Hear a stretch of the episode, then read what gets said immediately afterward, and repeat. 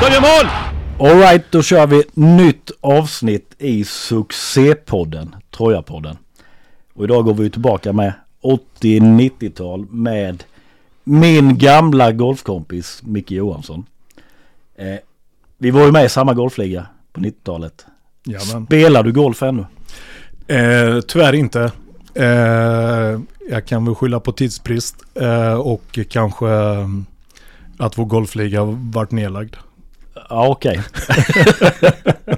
Nej jag kommer ihåg vi hade ju faktiskt rätt Ja. roligt där. Ja, verkligen. Eh, du har ju lång seniorkarriär men nästan, eller du har 21 raka eh, eh, säsonger ju i Mm. fem olika klubbar. Jajamän. Men om vi tar det från början så du är född i Vimmerby. Ja. Vad, vad kan du berätta om tiden i Vimmerby, uppväxten? Ehm, nej men det var ju alltså alla olika klubbar har ju sin um, tjusning höll jag på att säga. Ehm, men Vimmerby uppväxten där är ju mycket man har med sig om man jämför med dagens ungdom. Så man testar på alla möjliga idrotter. Man var ju på det mesta, det var inte så mycket, alltså internet var ju inte uppfunnet på den tiden. Och det gjorde ju liksom att det var mycket lek, mycket spel, man var på och testade hockey, ehm, fotboll, tennis, eh, ja, allt du kan komma på liksom. Eh, vilket också gjorde att, att det liksom eh, fångade intresse för idrotten ganska tidigt i ung, ung ålder om man säger. Eh, på den tiden var det även eh, utomhus, alltså ingen ishall. Och vi, alltså man var mycket, stack upp på kvällar, åkte på, eh, på hockeyrinken och utvecklade kanske där är liksom en, en, eh, en känsla för framförallt hockeyn då. Mm. Eh, sedan höll jag väl på med framförallt eh, ja, hockey och fotboll fram till eh, kom upp i tonåren någonstans. Innan det, man var inte riktigt tvungen att välja riktigt så tidigt på den tiden utan man kunde spela fotboll på sommartid för att hålla igång sommarträningen i hockeyn och vice versa då. Så, att, eh, så det var en väldigt rolig tid, Mm. absolut. Eh, Vimmerby, vad, vad kan man säga? Är det en kuststad högt upp i östra Småland? Va? Ja, eh, fem mil från eh, Västervik som är kuststad. Eh, de flesta känner väl till Vimmerby då. Det är Astrid Lindgrens Värld och Åbro bryggeri. Eh, jag byggde mycket kojor där idag, Astrid Lindgrens Värld där. Så vi bodde där nere i, det som var Sörgården eller Bullerbyn då. Eh, och ehm, ja, det är väl det de brinner för idag. Har ganska schysst hockeylag. Eh, om vi tar dina pojkår i Vimmerby inom hockeyn. Vad, vad kan du berätta? Hur stod ni? Eh, då, ja alltså jag skulle säga vi, eh, det var ju mycket mer lokalare serieindelningar då på den tiden och det gjorde ju att man var ganska Smålandskopplad. Eh, vi stötte inte på så många utanför småländska distriktet. Eh, däremot eh, med tanke på nästa klubbar och sådär som man kom till så stötte man ju på några stycken. I, vi mötte ju HV såklart, Tingsryd, Nybro. Ehm, eh, där RKK Plane stötte vi på här sedermera. Per Lehtonen stötte jag på i Nybro. Ehm, och HV stötte man också på några stycken då i, i våra årskullar. Nybro var ju Fred Olausson bland annat som, som jag efterträdde Nybro sedermera då. Mm. Så, ehm, mm. Eh, TV-pucken. Kom du med där eller? Eh, nej, vi hade tyvärr så var det så att eh, uterinken i Vimmerby då, så eh, 1980 pratade vi då, eh, så läckte ammoniak i omklädningsrummet. Vilket gjorde att verksamheten vart nedlagd det året och det vart ett byggnationsår av ishallen. Så att eh, jag hade ofrivillig timeout det året. Mm. Och du är ju bara 15 år Micke när du gör debut i Vimmerbys A-lag i Ja. division 3. Va, va, vad kan du berätta om dina tre säsonger du gör i Vimmerby? Eh, väldigt intressant. Eh, jag kommer ihåg eh, premiären vi hade där så var det en eh, gammal meteorolog John Pohlman som hade höll invigningen för oss och vi mötte eh, eh, Ljungsbro hemma tror jag var och om jag kommer ihåg rätt och um, Eye of a Tiger var väldigt poppis vi hade som ingångslåt och då, då liksom man kom in på någonstans i seniorlivet som väldigt ung eh, gallerburk på den tiden så att eh, det var mycket, väldigt nyttigt liksom att man, eh, man eh, vad ska man säga, eh, det är en utmaning att komma in så tidigt vilket gör att, att du kommer in i, i träningsmässigt eh, eh, i mer seriösare, ska man säga, seniorkrav än du kanske egentligen ska ligga i ett ungdomslag och köra då. Så att det var en väldigt nyttig tid som jag mm, är väldigt tacksam för idag. Mm. Kände du tidigt att du kanske hade det här lilla extrat att division 3 var inte nog utan du kunde sikta högre upp? Ja, men det kände jag nog ganska tidigt att jag fick mycket förtroende i början där och, och hade väl um, haft alltid ganska lätt för att och, vad ska man säga, träna, vara villig att träna och hade, um, vad ska man säga, tävlingsskallen och, och viljan att utvecklas väldigt tidigt. Vilket um, uh, kanske har präglat mig genom åren också. Mm. 84-85 då Micke så byter ju du Vimmerby till Nybro mm. i division 1. Eh, fanns det andra anbud eller varför blev det Nybro? Minns du det? Då var det väl ganska, vad ska man säga, det var inte så, eh, vad ska man säga, så öppet på det sättet som det är idag. Eh, det var liksom att det som fanns i närområdet, det var väl, alltså idag kan du gå in och googla på vem som helst eh, i spelarmässigt i Elite Prospect och så vidare och ha koll på allting som händer i var den vill. Eh, där var det ju lokalblaskan och möjligtvis de som hade hockeyintresse som hade koll på vad som fanns i. Och det var hyggligt nära hem och man var eh, ganska ung, eh, vilket var ett, ehm, kändes som ett bra steg. Mm. Och just steget då från division 3 till division 1, var det stort eller hur?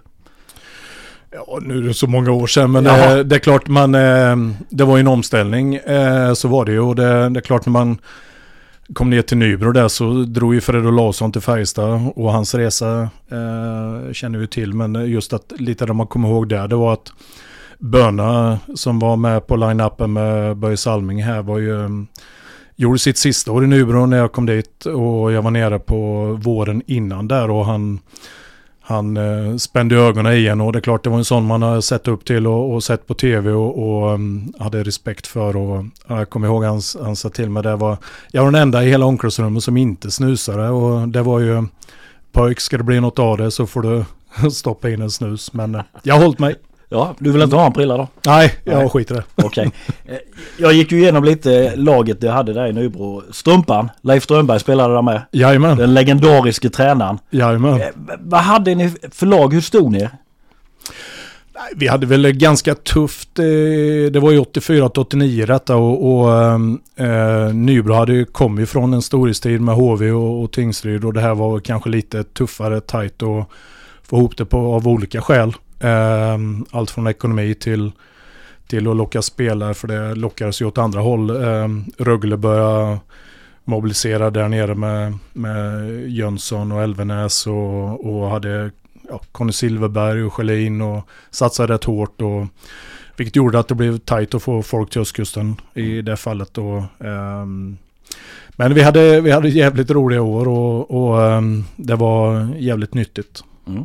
89-90 då så väljer du att lämna Nybro efter fem säsonger och mm. gå till Troja. Ja. Va, vad visste du om Troja? Eh, vi hade ju stött på varandra eh, de här fem åren och hade ju stött på dem eh, lite som jag sa innan i Vimmerbytiden på ungdomsåren och, och jämnåriga eh, kollegor då. Eh, så eh, det är klart, Småland känner man till ganska bra. Mm. men sen samtidigt så kände jag liksom att jag väl alltid haft en, en förkärlek för Eh, både som åskådare men även som spelare och vara främja spelet hellre än eh, liksom spelande än att bara åka in och proppa om du fattar vad mm. Och laget du kommer till då är ju Jerry tränare. Järre. Många egna produkter. Ja. Va, vad minns du av 89-90 där? Hur kom du in i laget? Fick du en ledande roll? Ja, det kommer jag knappt ihåg eh, så, men eh, vi hade ju, alltså det som präglade egentligen hela hela 90-talet i, i Troja, det var ju att vi redan direkt, man var välkommen in i gruppen och, och eh, kamratskapen och, och eh, liksom att, att vi hade samma värderingar och, och med tiden också umgicks hela 90-talet mycket privat och med familjer och, och sedermera när det började komma barn i, i, i, eh, i omklädningsrummet och så vidare. Eh, och det tror jag var en styrka hela 90-talet egentligen, liksom att, att vi hade mycket samsyn på saker och, och stommen i mångt och mycket var ju samma hela 90-talet om man ska vara bryta ner det både på backsida, centersida, målvaktssida och, och någonstans att eh, vi höll upp på ett jävligt bra sätt och det gjorde också, tror jag, att eh, som man har hört många som man har stött på efteråt som kanske inte bor kvar i Ljungby. Men, men att, att det var lätt att komma in i gänget. Eh, man varit snabbt antagen i det och liksom, det var, fanns liksom inga divalater eh, och sådär. Även om det kom med, med tiden många stjärnor som hade betydligt större eh, vad ska man säga, landslagsmeriter och liknande. Så att smälte väldigt bra in och, och eh, vi hade förbannat kul. Mm. Och 89 där med vet jag att ni åker till turneringen i Moskva. Ja. Vad va, va kan du berätta om den legendariska turneringen? Det är ju inga duvungelag ni möter heller ju. Nej, eh, det var ju mm, CSKA Moskva som var armélaget på den tiden och det var ju eh, Tishonov, en legendarisk eh, coach. Eh, kommer ihåg, man har ju sett mycket på tv, jag nämnde Böna innan, man såg mycket med Fetisov, Kasatonov och, och Red Machine och sådär. Och det var ju Kasatonov var ju en av backarna i det här CSKA vi mötte. En gallerprydd, Pavel Bure åkte ju åtta runt oss och det var ju eh, Troja och Djurgården var ju där då. Eh, och, och, vi mötte eh, Sovjets vingar var det nog också. Eh, och det var, äh, det är fantastiskt. Eh, den härlig upplevelse och då var det precis när 89 då när det öppnade upp där borta också. Så att det var ju på många sätt en minnesvärd resa. Mm. Absolut. Mm. Året efter då Micke så kom ju eh, Nygren som tränare. Mm. Den legendariske Troja-tränaren som mm. har varit här i flera omgångar. Jag brukar fråga dig, vad, vad kan har du att säga om Nygren? Jag, jag gillar Nygren på många sätt. Han eh, det är väl eh, kanske den tränaren där vi varit bäst tränare, framförallt ismässigt. Um, där vi visste att på 60 minuter var det inte många lag som höll emot oss. För vi orkade hålla samma, samma tryck och samma tempo. och var väldigt skridsko, vad ska man säga, eh, skridskopräglade som lag och, och eh, kanske inte prio att eh, vara så fysiska. Eh, så att, eh, grymt bra tränare, mm. eh, definitivt. Och en eh, skön lirare. Mm. Definitivt. Eh, och du gör ju två raka säsonger tror jag. Mm. 91-92 väljer du att lämna tror jag och gå till Vita Hästen i Norrköping. Mm. varför gör du det klubbytet? Eh, jag vet inte. Nu är det länge sedan men det, det, var lite grann då, då var vi indelade i fyra, fyra serier och då låg Vita Hästen i östra serien. Eh, och då fanns det en kille där, eh, Gunnar Svesse Svensson, som hade lämnat, eh, som var i Troja och drog till Norrköping när jag kom till Troja. Eh, och eh, det fördes en liten dialog där och sen var det en annan serie och sen var det här att kunna komma till allsvenskan var det ju de två första lagen som gick till och östra serien var väl i princip Vita Hästen och Örebro. Eh, och ehm, det ena gav väl andra och vi bestämde oss väl i, i maj för att eh, vi tar steget. Samtidigt då för, föddes första barnet Alexandra eh, och eh, lite omtumlande på, liksom det hände mycket där och då. Sen eh, hann vi inte mer än flytta in i Norrköping förrän eh, beskedet kom att Vita Hästen flyttas till södra serien. Jaha. Så att eh, hej och hå. Okej. Okay. hur stor är Rickard Rauge? Hur stor var han egentligen? Den vita hästen. Han var ju både volymmässigt stor men han var ju en stor spelare också. Han var ju duktig väl? Ja, absolut. Han... Eh, mycket, vad ska man säga, Stockholms produkter som fanns i Norrköping på den tiden och 16 mil emellan och, och um, Tommy Bostedt hade vi som hyggligt känd tränare. Eh, assisterande var ju Sven Eriksson som eh, har Jimmy Eriksson i Skellefteå och Jonathan. Och, sen har ju Svesse två ganska kända söner där med Pejärvi och Björn då. Så äh, han är en fantastisk äh, härlig och äh, trevlig människa och han, om jag kommer ihåg rätt så tror han vägde in på 118 kilo och 2,03 med griller på. Mm. så att det var väl oftast sådär när det drog igång i Himstad-Lundshallen som oftast var fullsatt så var väl många gånger taktiken att eh, Firso skulle vinna teken bak till back över rörlinjen, ner med den i korten och sen skulle Rauge komma. Mm. så det var en bra start på att få med sig publiken. Ja, mm. ja det är härligt. Eh, du gör ju två säsonger i Vita Hästen. Mm. Sen går du tillbaka till Troja igen. Mm. Eh, 93-94. Mm. Eh, var det ett naturligt steg eller varför ville du tillbaka till Ljungby? Vi kände väl sådär eh, lite grann att Norrköping, eh, i och med att vi är från Vimmerby så har vi väl ändå haft närheten till Linköping, Norrköping. Men vi kände väl att ja, storstad, eh, Eh, kontra gemenskapen som eh, fanns ändå i Ljungby och vi trivdes jävligt bra där och, och sådär. Så att eh, eh, det kändes naturligt. Mm. Och eh, dina tre sista säsonger här i Troja, de Mm. här fyra raka som du gör nu, eh, är du ju lagkapten. Mm. Har du alltid varit en ledargestalt? Ja, ja, både kanske, kanske inte alltid med typ ett C på, men eh, om man pratar i lumpen så var gruppbefäl, eh, förtroendeman i plutonen, eh, varit lite efter jag la av. Sen då 04 så um, hoppade jag på tränarspåret och höll på där i 11-12 år. Och sen eh, sedermera då med, med ett annat som vi kommer till Mm. eh, med damlaget där. Så, ja, men jag har väl alltid kanske inte haft något liksom, ja, men någonstans att man, man har haft det drivet och tävlingsdjävulen har väl gjort att man kanske både naturligt eller onaturligt eh, har försökt vilja leda på, Mm. alltså göra det man ska, alltså Mm. på något sätt. Va, hur är en bra lagkapten enligt dig?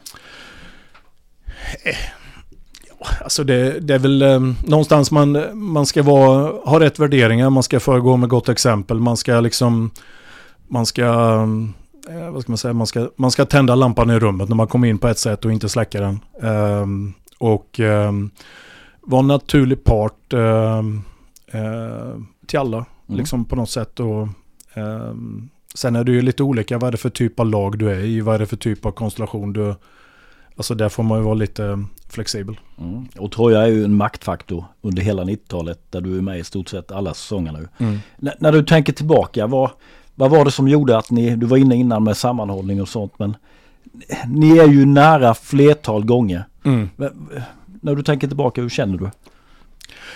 Det är väl, eh, vad ska man säga, vi, vi, är ju, vi håller ju en jävligt hög nivå genom hela, i princip hela 90-talet mer eller mindre. Och eh, eh, vad ska man säga, mycket av det här är att, att vi, vi är det här gänget lite som jag sa, det här med att kunna hålla ihop och sen, sen klart, alltså det vinner man inte alltid matcher på utan man måste ju någonstans ha bra vad ska man säga, spelsätt, spelsystem, eh, ledartrojker och, och allt som finns runt omkring och, och sådär va. Men jag tror också det här med att det, fanns, det finns en kultur på något sätt som bygger framgång, bygger framgång och liksom ehm, jag tror någonstans också att bredden i de olika trupperna vi haft eh, genom alla åren där har varit liksom, vi har inte varit beroende av en spelare eller två.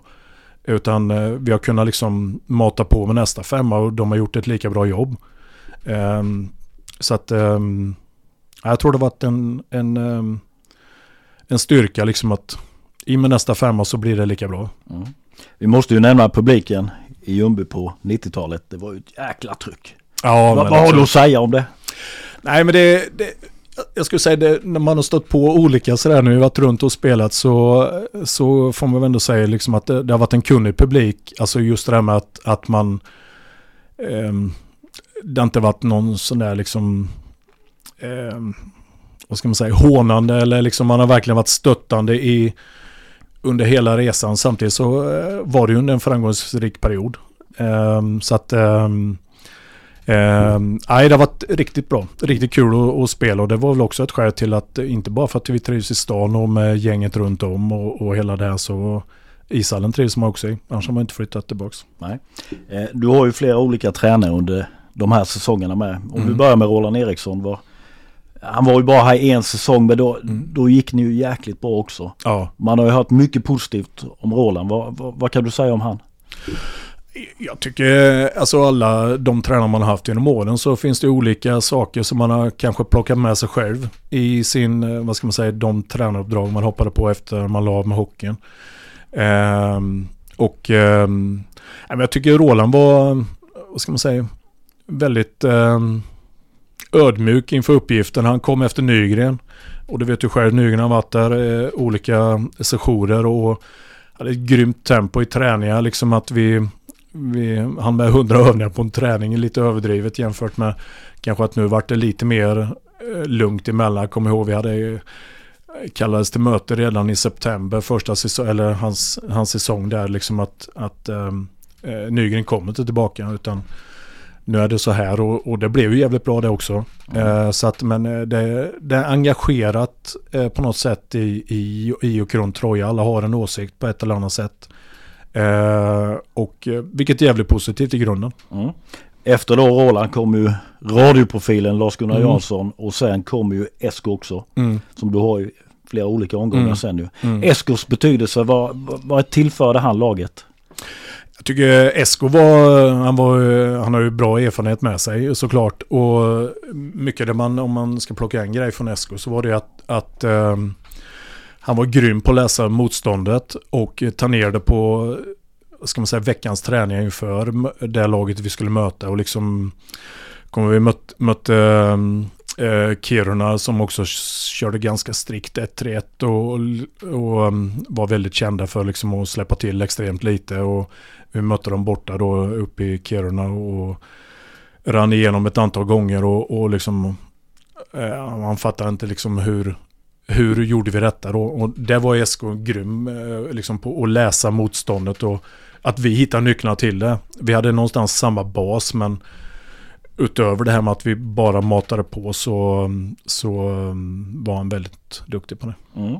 Eh, 97-98 då Micke så Mm. väljer du att gå till Alvesta. Ja. Va, varför gör du det bytet? Börjar Eh. du bli mätt eller hur? Ja, nej, mätt. Alltså, eh, tittar man med facit i hand så eh, jag slutade en gång till sen. Eh, och eh, det kan man väl säga. Eh, rent idrottsligt så slutar jag för tidigt. Eh, så är det. Jämför det med dagens situation eh, med allt från agenter till möjligheter att spela både i Sverige och utomlands så, så var det ju väldigt begränsat. Det var några stycken som var proffs i NHL och det var extremt lite runt om i Europa och de här bitarna. Och samtidigt insåg man att vi jobbade fullt ut på den tiden och eh, Ida föddes ju då när vi flyttade tillbaka från eh, eh Norrköping 93. Eh, och sådär och liksom man kände att nej, jag kommer inte leva på idrotten. Eh, någonstans lite sunt förnuft att eh, det här med ja, schysst jobb och liksom vill utvecklas där och, och ja, någonstans jag, jag har fått spela ganska många år. Jag gjorde första matchen 81 på seniornivå och kände liksom att ja, det är klart jag också fått utföra någonting jag har brunnit för i många år. Eh, samtidigt måste jag också vara sund liksom och tänka att jag kommer inte hålla på till jag är 65 med hockeyn. Så att då får man se om man hittar något annat. Så det var egentligen det skälet. Mm. Och du gör ju 29 poäng på 31 matcher. Ja, Det är ju ett grymt facit ju. ja det är Och efter det året så går du tillbaka en tredje gång till Troja. mm, Ja, och Troja är ju fortfarande en maktfaktor Mm. när, du, när du går tillbaka. mm. Kände du efter säsongen i Alvesta att du hade en mer att ge? Ja, men det var lite som jag var inne på innan. Jag kände väl kanske att egentligen att jag varvade ner för tidigt. Eh, samtidigt var jag 31 eh, och jämförde idag då med då så det fanns några stycken som var över 30 eh, som fortfarande spelade.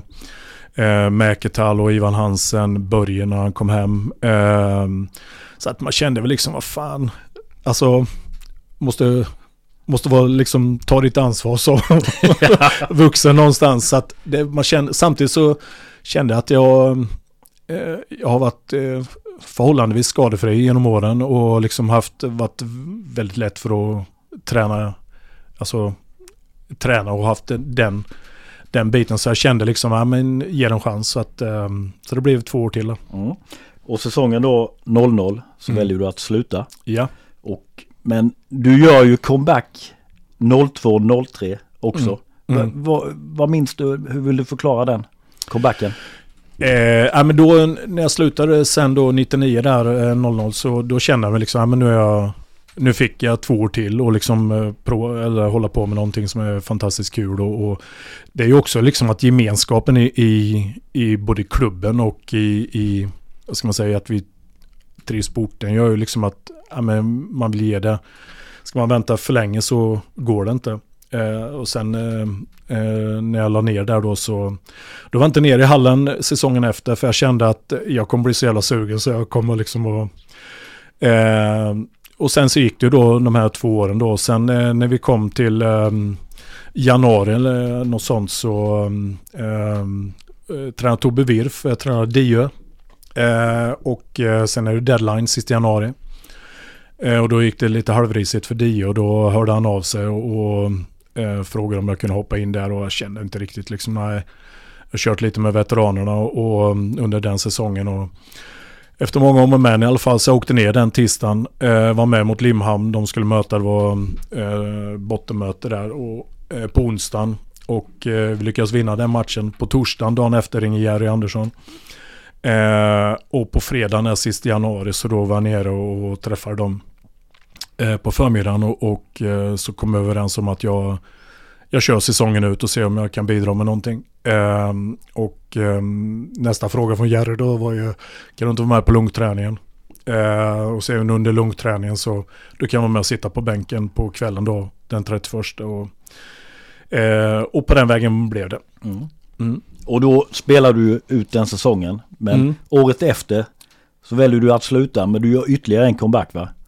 Ja, det var ju alltså överenskommelsen då. Det var ju liksom att eh, det var ju ett lite stålbad ekonomiskt också. Och det var ju någonstans, ja, vad hittar vi innanför 50-skyltarna? ja. Nej, så grejen var att det var ju liksom att eh, se om man kunde vara med och bidra med någonting den säsongen ut. Det var liksom, fanns ju ingen ambition att eh, vara sommarträning och ny säsong där bakom, utan sen var det att det var lite prekärt läge säsongen efter också och då eh, då eh, vart det ju samma resa egentligen fast då, då kom jag in veckan före jul istället för sista januari som det var året innan. Då. Mm. Och där är du ju stenhård för du drar ju menisken. Ja, det, blev, det började lite tokigt. Vi mötte Rögle hemma eh, innan jul där och eh, då eh, låste sig menisken så då var jag inne och gjorde en, en, en ja, de skrapade väl eller eh, och sen så eh, är jag på is efter fem dagar och sen är det blivit till fyra månader. Mm. Det kallar jag att bita ihop Micke. Ja, eller idioti. Ja, vad man vill. Tolkningsfråga. Ja. ja. Eh, efter 21 säsonger då inom mm. seniorhockeyn så väljer mm. du att sluta. Mm. Eh, känner du så här i efterhand att du fick ut max av din kapacitet? Det är klart idag, det är, alltså man, man kan alltid jämföra nutid och dåtid och sådär, men utifrån utifrån det hockeylivet och, och framförallt det man har haft med, med familj och barn och idag barnbarn så jag skulle... Nej, det har varit fantastisk tid. Mm. Definitivt. Hade du några anbud? Högre upp? Ja, eh, man hade ju inga agenter som eh, det finns idag på den tiden. Eh, sen har det varit intresseförfrågningar. Varit och, och, och, träffat några, några klubbar under de här åren. Men in, inget konkret som ledde till att, att um, det blir verklighet av någonting. Mm. Dina styrkor? Vad, vad, vad, tycker du var din stö, dina styrkor som hockeyspelare?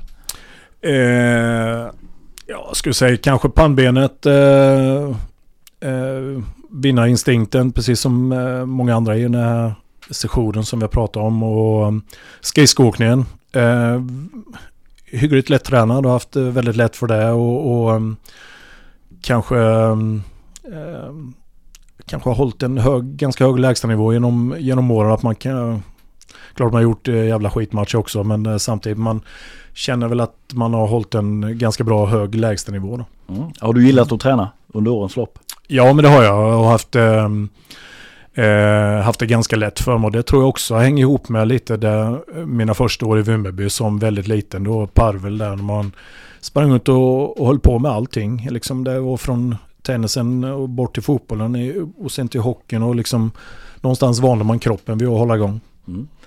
Eh, säsongen 16-17 så startar ju Troja upp ett damlag. Mm. Och där tar ju du och Stefan Nilsson mm. vid som tränare. Mm. Eh, vill du summera det året med damhockeyn i Troja?